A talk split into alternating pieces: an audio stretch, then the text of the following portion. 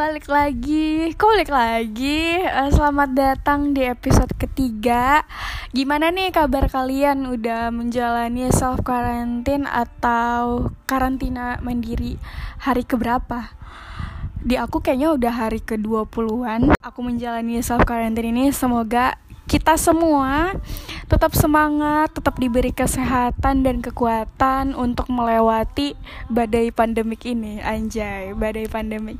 Oke, aku mau sharing-sharing 5 hal positif yang aku rasain uh, selama menjalankan self quarantine ini. Yang pertama, aku ngerasa ada perbaikan gizi gitu karena uh, hobi aku jadi makan-makan, makan, makan, makan, makan makan terus gitu jadi karena kebanyakan makan aku lebih memperhatikan ke asupan protein, asupan kalori, asupan vitamin yang aku konsumsi. Jadi tuh rasanya ada perbaikan gizi karena sebelumnya aku cuman kayak ngasal aja gitu. Oke, aku makan ini kayaknya ini sehat deh, kayak ini gini deh gitu deh. Kalau sekarang tuh aku lebih nyari-nyari gitu, lebih spesifik lah. Terus aku jadi auto hobi masak karena kan dari uh, yang suka makan itu akan lebih enak bukan akan lebih enak tapi keadaan memaksa untuk kita masak di rumah gitu kan. Kalau bisa tuh masak di rumah. Jadi punya hobi baru yang tadinya nggak suka nggak suka banget masak jadi nyoba-nyoba untuk masak nih. Karena aku sendiri jadi suka juga karena jadi belajar resep-resep baru masak-masakan untuk diri sendiri. Ini bener-bener fun untuk dilakuin di rumah selama self quarantine terus aku jadi punya waktu untuk menyelesaikan film yang udah lama di download terus disimpan di lemari atau di lemari salah di laptop maksudnya tapi belum sempat aku tonton karena selama ini aku tuh numpuk-numpuk film-film series atau apa gitu. Nggak terlalu banyak juga sih tapi ditumpuk aja belum ditonton. Nah sekarang inilah saatnya dan uh, waktunya untuk kita nontonin uh, film series atau apalah yang belum sempat kita tonton. Terus aku ngerasa lebih relax gampang banget relax maksudnya tuh karena kita sering rebahan rebahan rebahan dan rebahan ya. Jadi kayak gampang relax lah. Bisa memikirkan ya hal-hal yang lebih tenang menyampingkan keriwetan keriwehan pikiran sebelum adanya pandemik ini.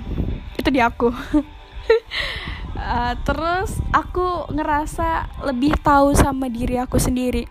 Kalau uh, bahasa baratnya sih kayak get to know myself better karena aku kan ketemunya aku lagi diri aku lagi. Pagi siang sore malam yang aku temuin ya diri aku diri aku dan diri aku lagi. Jadi aku ngerasa oh ada hal baru nih yang aku bisa tahu uh, tahu taunya maksudnya tuh aku jadi kayak tiba-tiba tahu oh ternyata aku tuh bisa ini loh. Oh ternyata aku tuh kayak gini loh. Oh ternyata aku tuh kayak gitu loh. Gitu. Nah itu sih beberapa hal positif yang aku rasain dan aku sadarin ya. Kalau kalian ngerasa apa? Kalau misalnya ada hal-hal positif yang kalian rasain juga selama pandemik ini coba deh kalian list eh, hal-hal positifnya apa aja dan hal-hal itu bisa dijadikan tolak ukur untuk bersyukur selama adanya pandemik ini. Karena kan kultur orang Indonesia tuh selalu ngambil positifnya ya kayak untung aja masih bisa ini untung aja masih bisa itu. Jadi ini bisa banget dijadiin alasan untuk bersyukur. Tapi tetap aja kita harus tetap waspada kita harus tetap uh, apa ya berusaha untuk melawan si pandemik ini supaya semuanya tuh berjalan seperti normal lagi. Karena kita tuh butuh uh, ketemu orang in person butuh apa ya ngomong face to face gitu. Nah sekarang nggak enak banget kan kita tuh ngobrol via phone atau sosial media.